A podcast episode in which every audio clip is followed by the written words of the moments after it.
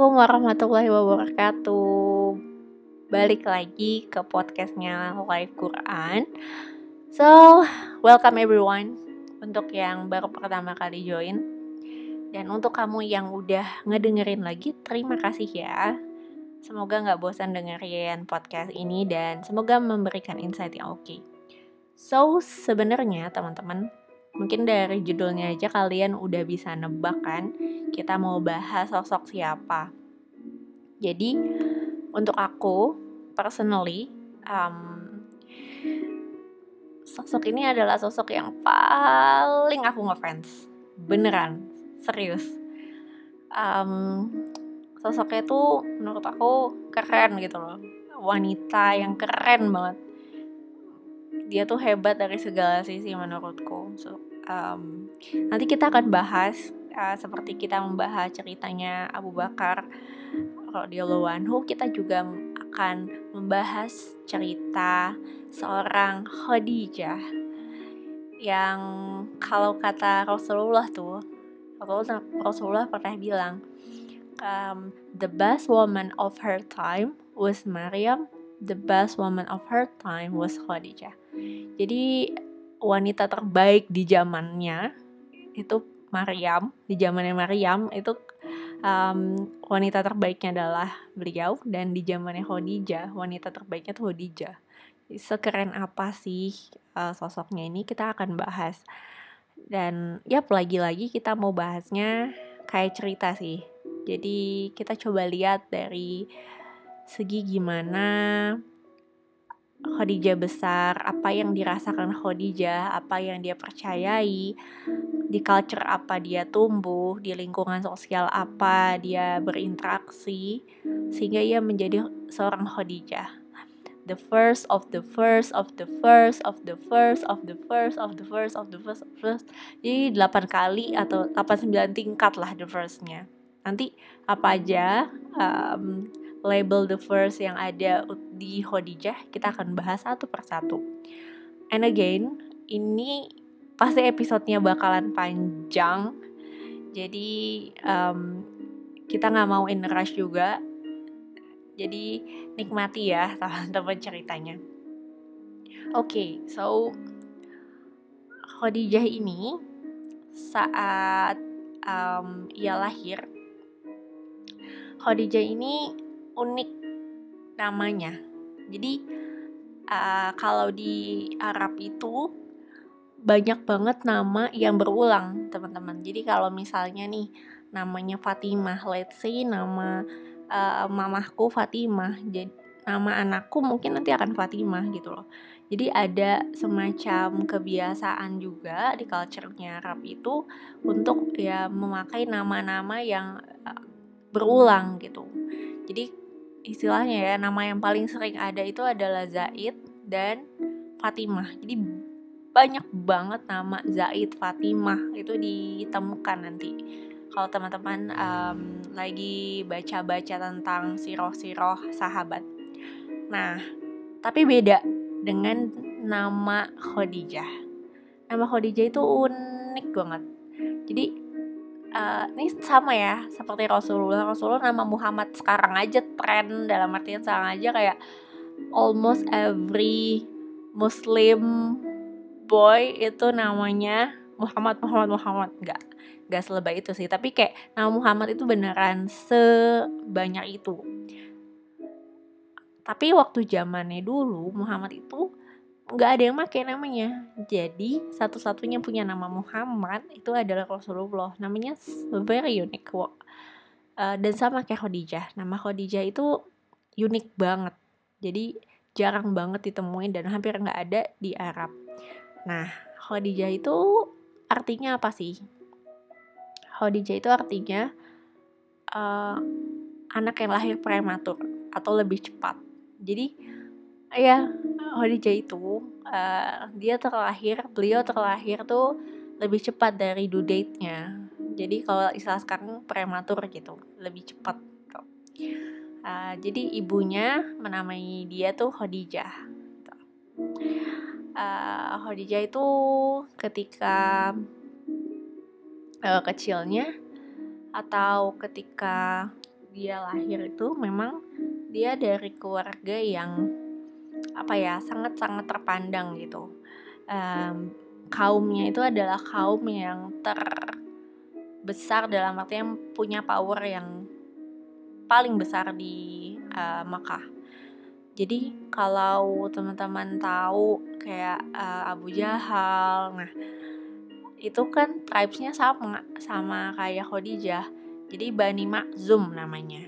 Nah, Bani Makzum ini emang consider jadi bani atau kaum yang paling kaya, paling tajir, uh, very powerful in society, bener-bener um, apa ya kayak tajir dan terpandang. Dan emang pengu bukan penguasa ya tapi kayak gitu gitu loh.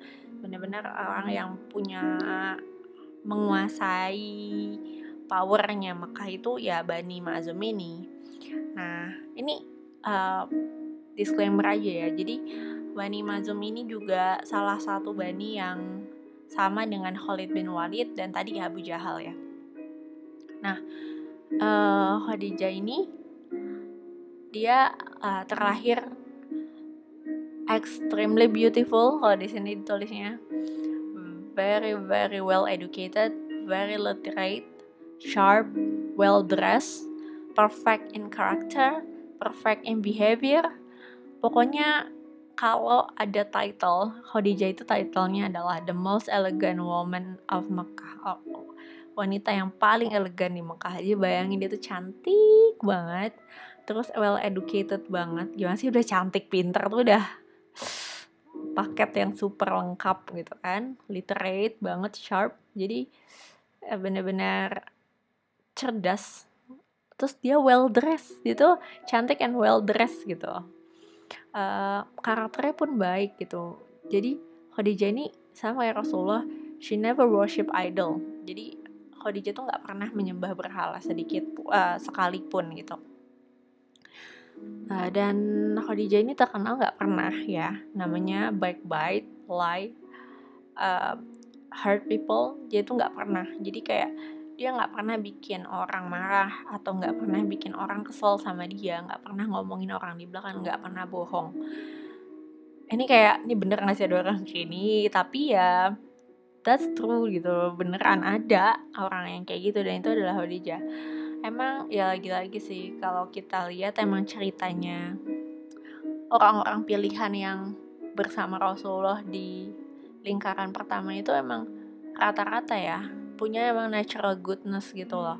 Emang dari naturalnya itu udah ada kebaikan banget dalam diri dia. Jadi even Islam pun belum datang mereka adalah orang-orang yang emang baik gitu.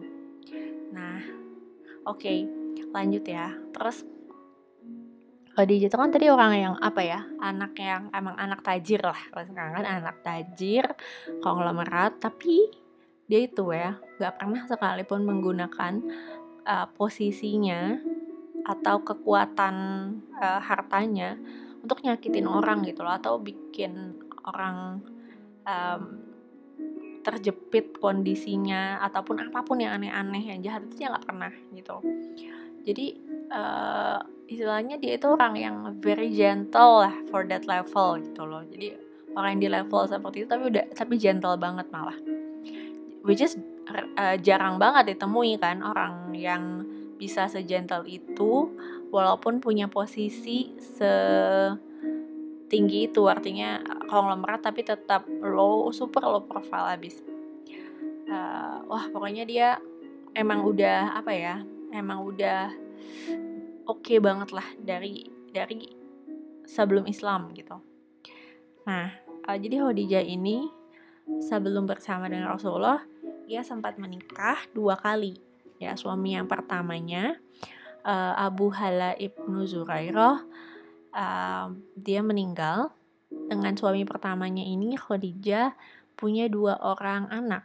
Yang pertama Hala uh, makanya suami pertamanya itu dibilang juga Abu Hala bapaknya Hala sama Hin Hala sama Hin gitu. Dua laki-laki Hala sama Hin.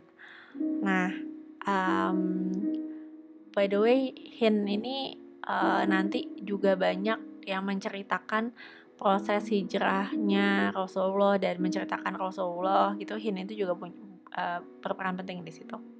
Nah terus suami keduanya uh, jadi after suami pertama meninggal Khadijah menikah lagi uh, dengan suami keduanya. Dan dikaruniai dua orang uh, eh, satu orang putri dan satu orang putra. Jadi ada putrinya nama Hin. Jadi dari suami pertama anak laki-laki nama Hin dari suami kedua anak perempuan yang namanya Hin. Nah, makanya banyak banget nama yang berulang ya di Arab tuh. Terus uh, anak keduanya namanya Ab, uh, Abdul Uzza.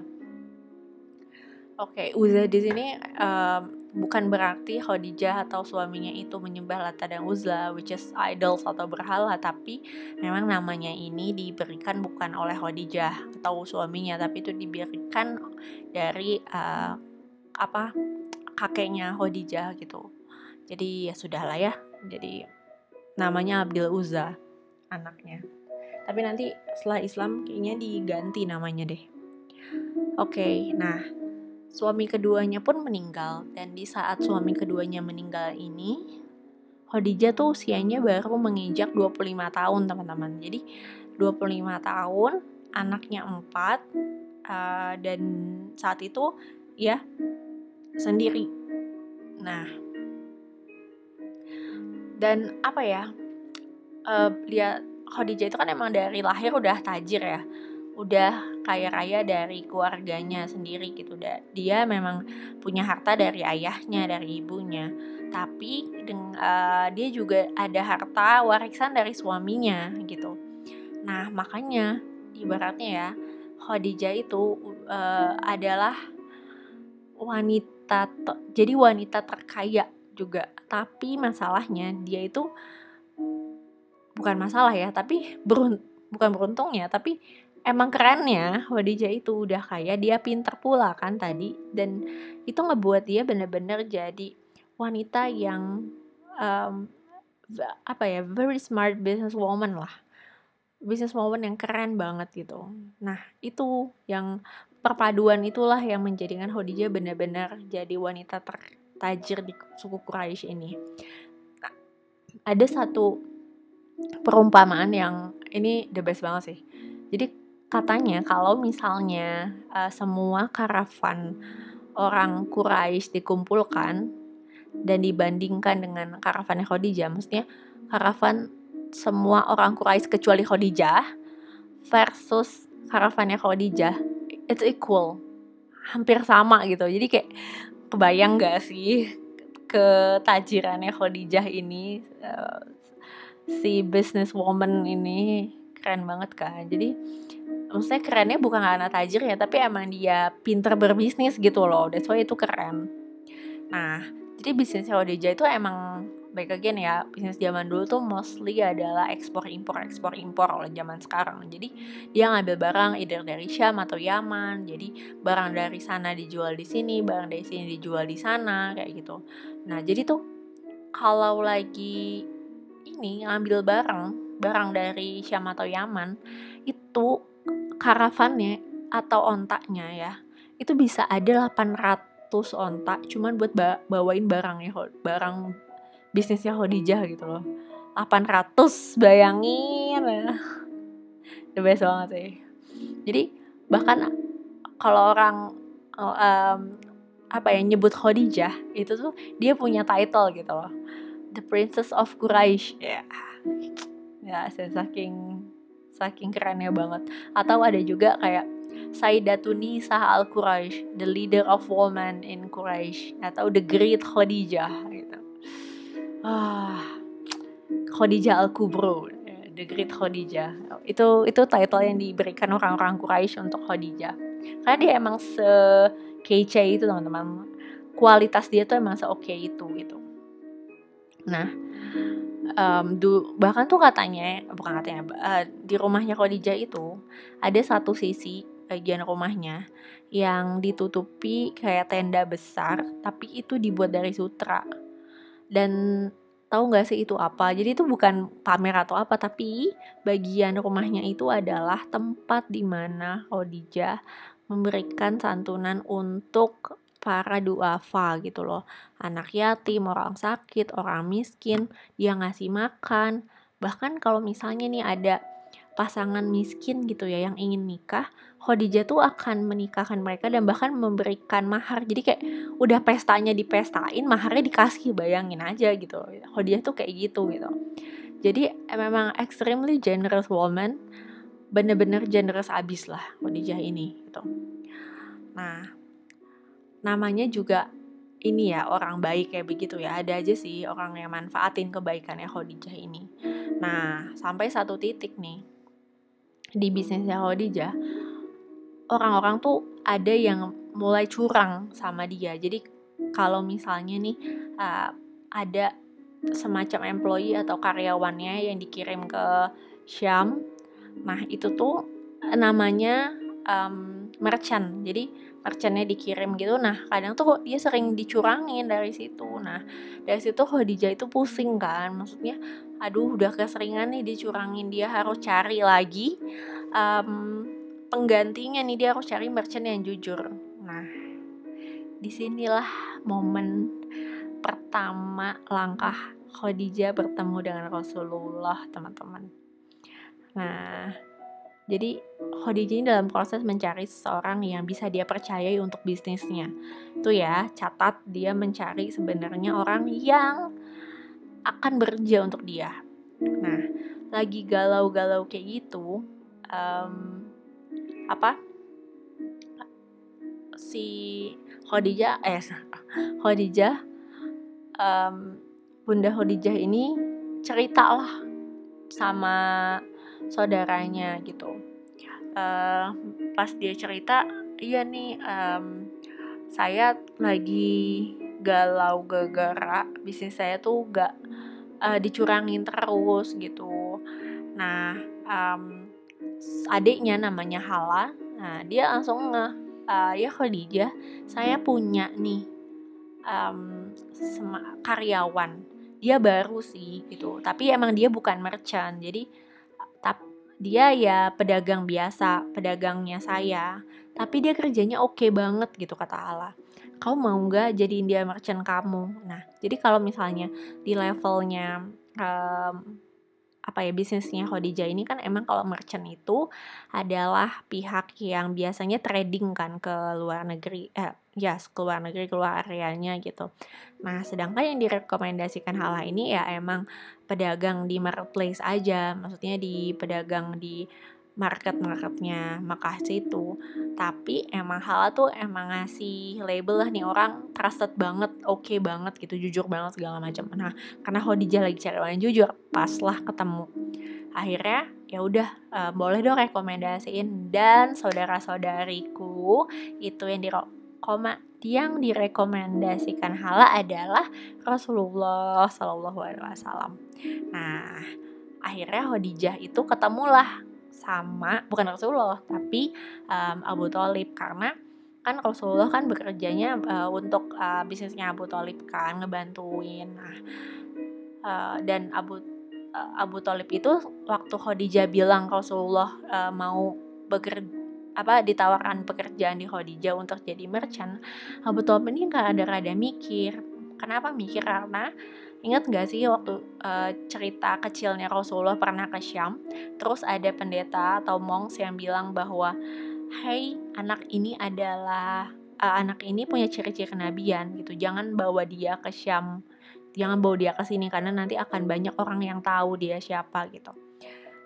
Dan banyak orang yang akan mencoba menyakiti dia. Nah, semenjak itu sebenarnya Rasulullah itu nggak pernah keluar ke mana-mana. Rasulullah itu ya udah di Mekah-Mekah aja, nggak pernah dibawa ke Syam lagi. Nah, di situ sebenarnya agak-agak galau Abu Talib. Tapi ngelihat uh, ya mungkin Rasulullah juga udah dewasa dan Rasulullah emang pengen ngebantu Abu Talib untuk uh, mencari mencari apa ya kesejahteraan keluarganya. So ya why not? Akhirnya oke okay lah, udah diyakinin nih sama uh, Khadijah juga.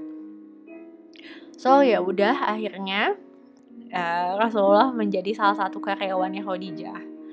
Nah, terus karena sebagai karyawan baru Khadijah bagaimanapun kan mesti waspada dong. Akhirnya dia kirimlah spy nih.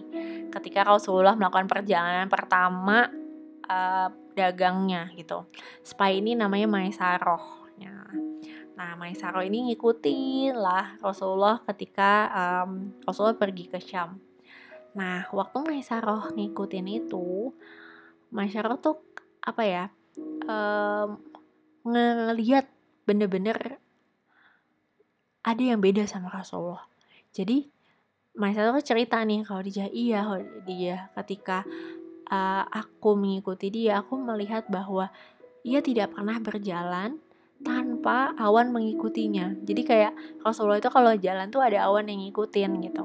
Jadi nggak nggak terlalu terik lah di atasnya itu. Terus ketika ia tidur, pohon itu seperti merunduk kepadanya gitu loh.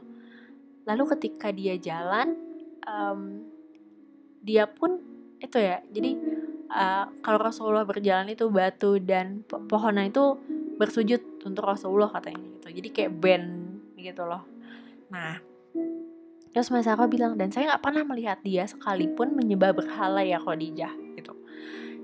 He never pray to idols. Terus uh, Maisaro juga bersemangat untuk ngasih tahu good karakternya Rasulullah ini, bagaimana jujurnya Rasulullah. Terus pokoknya bener-bener di endorse lah Rasulullah ini ke Khadijah. Oh, wow, dan pas balik ya gimana ya Khadijah itu nggak cuman amazed sama ceritanya Maisarah ya tentang karakternya Rasulullah, tapi Rasulullah itu balik dengan membawa double karavannya Khadijah. Jadi kalau waktu Rasulullah pergi bawa dua unta lah katakanlah ya, dia balik bawa empat gitu loh. Jadi kayak sebagai businessman pun dia keren gitu loh. Uh, he do very uh, he did excellent job lah bener-bener gitu dengan bisnisnya Khadijah ini. Ya udah jadi uh, apa ya ya kalau dia amazed lah sama Rasulullah. Nah nah suatu waktu nih ya namanya juga cewek-cewek kan um, kalau dia itu lagi hangout lah atau lagi main sama Nafisa salah satu best friendnya Khadijah nah terus Khadijah ini kayak bragging story about Rasulullah akhirnya uh, Khadijah cerita tuh kayak ya Nafisa aku uh, ada karyawan baru merchant baru. Nah dia tuh kayak gini kayak gini gini. Mais Haroh bilang dia kayak gini gini. Dan dia tuh gini gini wah dia excited banget ceritain kan. Nah terus Nafisa kayak ngeliat ada spark gitu di matanya Khadijah ketika menceritakan Rasulullah. Terus Nafisa nanya Khadijah kenapa kamu gak nikahin dia aja? Terus Khadijah kayak agak bukan kaget ya tapi kayak dia ragu-ragu gitu kayak antara mau denial tapi emang senang tapi ada konflik juga dalam diri dia. Karena saat itu bayangin um, Khadijah itu cantik banget kan tadi ya di mention dan dia setajir itu gitu loh. Ibaratnya sosialita cantik baik tajir gitu sangat mudah buat dia itu uh, nerima orang gitu. Dan sepanjang dia single itu memang banyak banget proposal gitu. Tapi ya ditolak semua sama Khadijah. Ya basically kalau ceritanya emang Khadijah ini kayak masih ada trust issue sama merit lah gitu. Jadi kayak dia masih masih ada keraguan lah untuk menikah gitu. And by the way ya uh, coba deh Kan saat itu Rasulullah usia 25 dan Khadijah usianya 40. Jadi selisih mereka uh, eh, 15 tahun. Dan Khadijah itu um, sendiri dari usia 25 tahun sampai 40. Jadi Khadijah itu sendiri lebih lama dari usia pernikahannya gitu loh.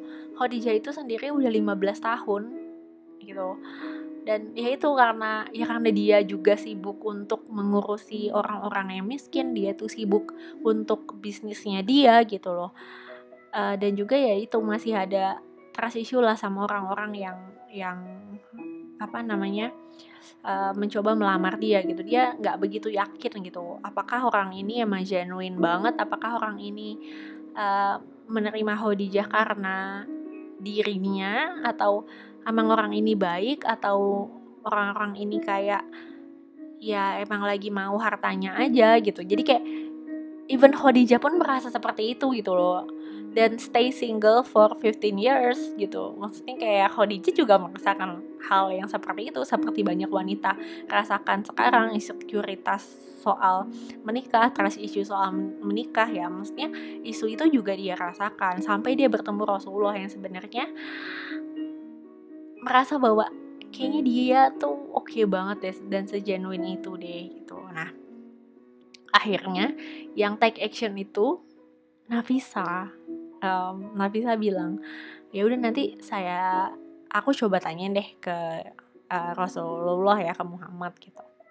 Nah tapi Nafisa ini keren banget sih cara cara nanyanya dan dia itu apa ya tetap menjaga harga diri wanita ya. Maksudnya kan cewek itu kan kadang-kadang sensitif ya kalau misalnya mau dijodoh-jodohin atau misalnya mau dikenalin gitu. Kan tetap um, kita punya pride gitu loh. Jadi um, bagi apa yang Nafisa lakukan approachmentnya itu emang oke okay banget gitu. Nah and by the way um, sadar nggak sih kalau Rasulullah itu kan usianya 25 tahun ya? Tapi kenapa sampai saat itu Rasulullah tuh nggak belum menikah gitu gak mungkin juga kan seorang Rasulullah yang emang ganteng nature apa ya nature goodnessnya oke okay banget terus um, badannya oke okay, maksud maksudnya posturnya oke okay. pokoknya ya high quality juga gitu loh walaupun Rasulullah emang dari keluarga miskin ya tapi maksudnya kenapa Rasulullah tidak belum menikah ya basically Rasulullah itu bilang uh, he want to take care of his family dulu gitu loh. Nah Rasulullah tuh pun sebagai laki-laki ya juga juga sama gitu loh pikirannya. Mungkin seperti banyaknya laki-laki lainnya. Jadi dia tuh mau uh, urusin keluarganya dulu. Karena kan keluarganya itu emang keluarga yang walaupun kakeknya itu maksudnya terpandang dalam artian disegani ya karena pemegang kuncinya Ka'bah tapi memang keluarganya itu dari keluarga miskin gitu loh. Dan ya yang menanggung itu ya Rasulullah salah satunya gitu. Jadi Rasulullah itu boro-boro pikiran nikah. Ya Rasulullah tuh masih mau untuk uh, mensejahterakan keluarganya dulu gitu. Dan apa ya menurutku Rasulullah aja kayak gitu gitu loh. Rasulullah pun men, uh, menurutku ya cukup realistis gitu loh keinginannya dia gitu. Nah itu yang menjadikan Rasulullah nanti dulu deh uh, nikahnya. Nah tapi sampai ber 25 ya saat itu karena kan relatif kalau di Mekah kan lebih cepet kan. Kalau di sini kan 25 tuh kayak masih justru wow kan kalau nikah. Nah oke okay, balik lagi. Nah terus um, balik ke Nafisa. Jadi Nafisa ini um, nanya uh, ke Rasulullah Muhammad ya Muhammad kamu kenapa belum nikah? Gitu. Nah Rasulullah jawablah yang tadi itu ya saya lagi uh, saya masih mau um, mensejahterakan keluarga saya saya mau jagain keluarga saya dulu sampai ya um, stabil lah ekonominya maksudnya lebihnya uh, lebih baik gitu. Hmm, terus tapi Rasulullah menyambung kalimatnya dengan memangnya kenapa Nafisa kamu um, siapa yang mau kamu ajukan? Gitu. Emang siapa yang mau kamu uh, jodohin lah ibaratnya gitu uh, atau ya emang siapa yang mau kamu sarankan? Nah terus Nafisa tuh uh, bilang kayak gini gimana uh, gimana kalau misalnya ada nih wanita yang uh, ya dia tuh cantik uh, nobel banget dari keluarga yang terpandang dan karakternya itu sangat baik. Pokoknya she's got everything lah gitu itu gimana kalau misalnya ada yang wanita kayak gitu um, tertarik sama kamu? Terus uh, Rasulullah bilang siapa? Terus Nabi saya bilang Khadijah. Terus Rasulullah malah bilang kayak kenapa kamu berpikir wanita seperti dia mau menikah dengan saya? Ah so itu kan Rasulullah malah kayak gitu jadi agak-agak minder kayak ini kan pertama ya bagaimanapun ya uh, baik again sih maksudnya ya sebagai manusia pasti dari dulu sampai sekarang kehidupan itu ya cuman gitu-gitu doang masalah bukan gitu doang dalam artian ya masalahnya pun banyak yang terulang sama kan. Zaman dulu juga ya namanya sosial ekonomi gap udah ada gitu. Rasulullah dari keluarga kayak apa Khadijah dari keluarga kayak apa ya itu tuh udah jadi bikin isu sendiri kan. Jadi Rasulullah juga yang nggak pernah membayangkan gitu loh masa wanita sekece Khadijah itu mau sama dia gitu uh, makanya terus Nafisa bilang ya saya juga coba tanya dia dulu sih. Nah jadi kayak Nafisa tuh kayak masih jual mahalin Khadijah juga gitu. Nah barulah dari situ Nafisa cerita akhirnya ya udah Khadijah ngasih proposal um, terus Rasulullah uh, oke okay, akhirnya Rasulullah melamar Khadijah uh, bareng sama Abu Thalib pergi ke rumah Khadijah untuk uh, melamar gitu. Uh, terus uh, Warakoh juga Warakoh nah nanti nama ini jadi penting sih. Warakoh itu ada dan hadir untuk memandu pernikahannya. Um, dan ya akhirnya Rasul dan Khadijah menikah lah nah cuman kalau tadi kan sempat aku mention kalau Khadijah itu nggak pernah maksudnya gini being single for 15 years ya dia itu banyak menolak lamaran orang gitu. Dan tiga pelamar yang paling terkenal namanya itu adalah pertama Abu Jahal, kedua Abu Sofyan, ketiga Rokba. Jadi kayak ini tiga tiga nama yang bener-bener famous banget ketika Islam itu muncul menyerang Rasulullah dengan segenap tenaga mereka. Jadi kayak ya walau ya ada urusan ini apa enggak tapi ya mereka itu adalah orang-orang yang pernah melamar Khadijah dan ditolak gitu loh gitu sama Khadijah iya yes, saya apa ya the three powerful arrogant uh, human being lah di Quraisy gitu. Nah itu yang yang ditolak sama Khadijah gitu. Dan bayangkan bagaimana ini kan tiga nama besar ya istilahnya emang kalau dari sosial ekonomi status memang mereka bertiga layak sama Khadijah bukan layak dalam artian apa-apa tapi ya sama lah sosial ekonomi statusnya gitu. Dan bayangkan mereka yang kayak gitu mereka setelah ditolak dan melihat bahwa Khadijah menikahi Rasulullah yang uh, karyawannya dan ja, apa ya ya dibandingkan dengan apa yang Khadijah punya tuh jauh banget gitu dan ya gimana nggak nggak bereaksi itu orang-orang itu gitu kan gitu nah itulah juga um, sedikit bumbu-bumbu permasalahannya gitu. Tapi kira-kira apa sih yang ngebuat Khadijah ini memilih Rasulullah gitu loh? Apakah emang tampangnya ataukah emang tampilannya gitu? Well, ya Rasulullah emang ganteng dan kece, tapi uh, Khadijah itu pernah mention gitu. Dia pernah ngomong ke Rasulullah, kenapa akhirnya dia dia tertarik ataupun memilih Rasulullah gitu. Kenapa at the end Khadijah itu falling in love juga sama Rasulullah jadi ya kalau kata Khadijah itu ada dua yang pertama because of his nobility and his truthful tongue. Jadi karena nobility-nya Rasulullah dan uh, kejujurannya Rasulullah gitu loh itu aja sebenarnya.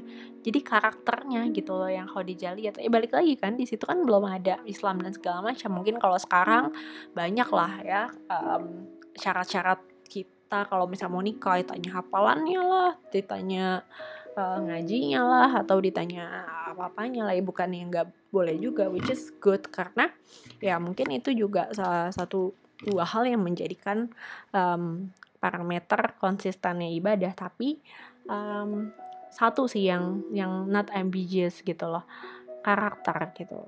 Jadi karakter ini ya emang um, kalau karakternya udah oke okay, nah ini kalau dari Ustadz Umarnya bilang ya maksudnya e, cara milih pasangannya juga dilihat sebagainya dia tuh dari karakternya gitu loh. Bu itu yang pertama gitu. Bagaimana Khadijah melihat Rasulullah gitu karakternya dulu karena dari karakter yang oke okay, itu pasti kebaikan kebaikan lain tuh akan ngikut gitu nah itu sih um, pesan-pesannya. Nah oke. Okay. so dari situ um, mereka menikah dan ya Rasulullah itu berubahlah status sosialnya di di Mekah gitu. Uh, Rasulullah itu jadi orang elit lah saat itu ketika sudah menikah dengan Khadijah gitu. Dan sebenarnya bukan mention tentang harta ataupun apa-apa ya tapi status sosialnya Rasulullah ini at the end ini yang paling bikin bermanfaat buat dakwah gitu. Karena Rasulullah tuh udah dilihat Rasulullah tuh akhirnya dipercayai orang-orang ya basically karena itu gitu loh. Karena um, Rasulullah itu akhirnya bisa masuk ke level-level itu ya karena dia menikah dengan Khadijah gitu. Dan itu yang yang juga Rasulullah syukuri gitu loh maksudnya uh, Khadijah itu ya makanya banyak banget bawa perubahan ke Rasulullah gitu loh. Itu yang dirasakan Rasulullah kenapa Rasulullah tuh bisa secinta itu sama Khadijah. Nah um, dan akhirnya dalam lima tahun pernikahannya mereka dikaruniai enam orang anak. Uh, Khadijah menamai yang perempuan Rasulullah menamai yang laki-laki. Nama anaknya ini empat perempuan. Ada Zainab, Rukayah, Umi Kosum, Fatimah. Dua anak laki-lakinya um, Kosum dan Abdullah. Nah dari ke, ke enam anak ini mereka kan hidup bareng tuh. Plus semua anak Khadijah dari pernikahan sebelumnya. Jadi ada 6 plus 4 dari pernikahan sebelumnya. Dan apakah berarti di situ? Belum. Nah jadi ada tambahan lagi. Jadi um, Rasulullah punya anak angkat. Namanya Zaid ibnul Harifa uh, the beloved one. Jadi Zaid ini sebenarnya adalah salah satu budak yang dikirimkan oleh uh, sepupunya Khadijah ke Khadijah. Dan uh, Rasulullah nih ketika melihat Zaid ini Rasulullah tuh kayak seneng banget sama Zaid ini gitu loh. Uh, nah karena Khadijah lihat Rasulullah tuh seneng maksudnya seneng kayak Zaid ini baik. Jadi Rasulullah tuh care banget lah sama Zaid. Akhirnya ya Khadijah membebaskan Zaid lah. Maksudnya udah jadi anak angkat aja gitu. Nah sama satu lagi di rumah itu ada um, keponakannya Rasulullah Ali. Nah Ali juga tinggal di situ karena kan kayak kebiasaan itu kan Rasulullah kan diasuh sama pamannya. Jadi anak pamannya Rasulullah asuh gitu. Uh, jadi di rumah itu ada tadi 6 tambah 4 tambah Zaid tambah Ali. Ada 12 anak sama Rasulullah dan Khadijah berempat belas. Dan apa ya? They absolutely love each other mereka tuh bener-bener bahagia banget pernikahannya bahagia semuanya bahagia. And by the way di sini Rasulullah sama Khadijah itu kalaupun tercatat pernah bertengkar itu tuh cuma satu kali. Dan ini ya ini berantem ya ya. Kalau kalaupun ini disebut berantem ya nggak paham lagi sih ini. Rasulullah tuh pernah sekali diminta Khadijah untuk datang ke gathering-gathering elit itu Nah, tapi Rasulullah tuh nggak mau karena uh, di sana kan kalau ada gathering-gathering kayak gitu kan banyak apa ya banyak uh, eh, idols idolsnya kan banyak berhala berhalanya kan. Terus kayak Khadijah bilang ya udah datang aja nggak usah peduliin Lata sama Uzla. Udah itu doang. Kalaupun mau dibilang berantem ya itu aja episodenya.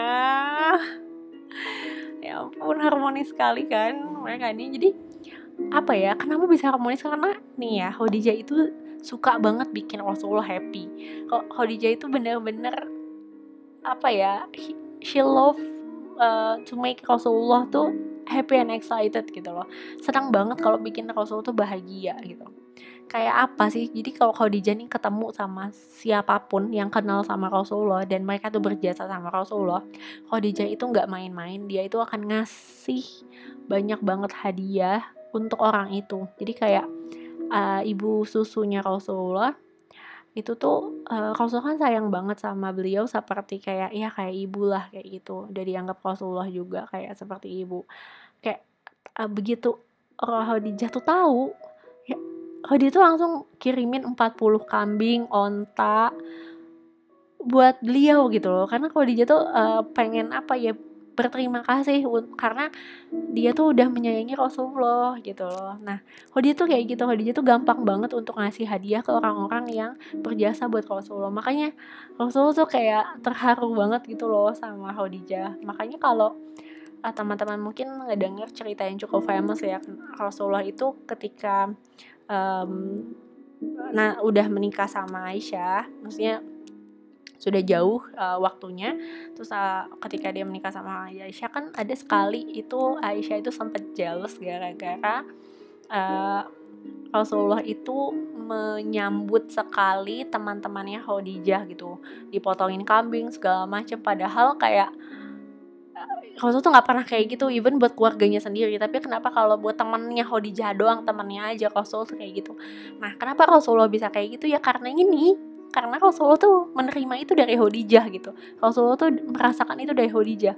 Khadijah itu nggak pernah bener-bener uh, perhitungan sama siapa pun yang berjasa buat Rasulullah. Temannya Rasulullah sahabatnya Rasulullah keluarganya Rasulullah semua dikasih um, kenyamanan sama Khadijah. Dan Khadijah tuh excited banget melakukan hal itu gitu. Jadi ya Rasul tuh sayang apa ya miss lah sama Khadijah tuh kayak gitu gitu jadi ya kayak gitulah pokoknya um, mau momen sweetnya. Tapi ada dari sinilah juga dimulai um, momen yang memutarbalikkan cerita mereka gitu. Dalam artian happy momennya itu udah ada ada dan dari dari setelah itulah perjuangan mereka dimulai. Tapi ibaratnya ya kalau aku lihat emang turning pointnya adalah ketika Rasulullah menerima wahyu pertama gitu. Which is usia Rasulullah udah di usia 40 Khadijah di usia 65 tahun. Artinya ya yeah, 40 tambah 15 oh bukan 55 tahun gitu.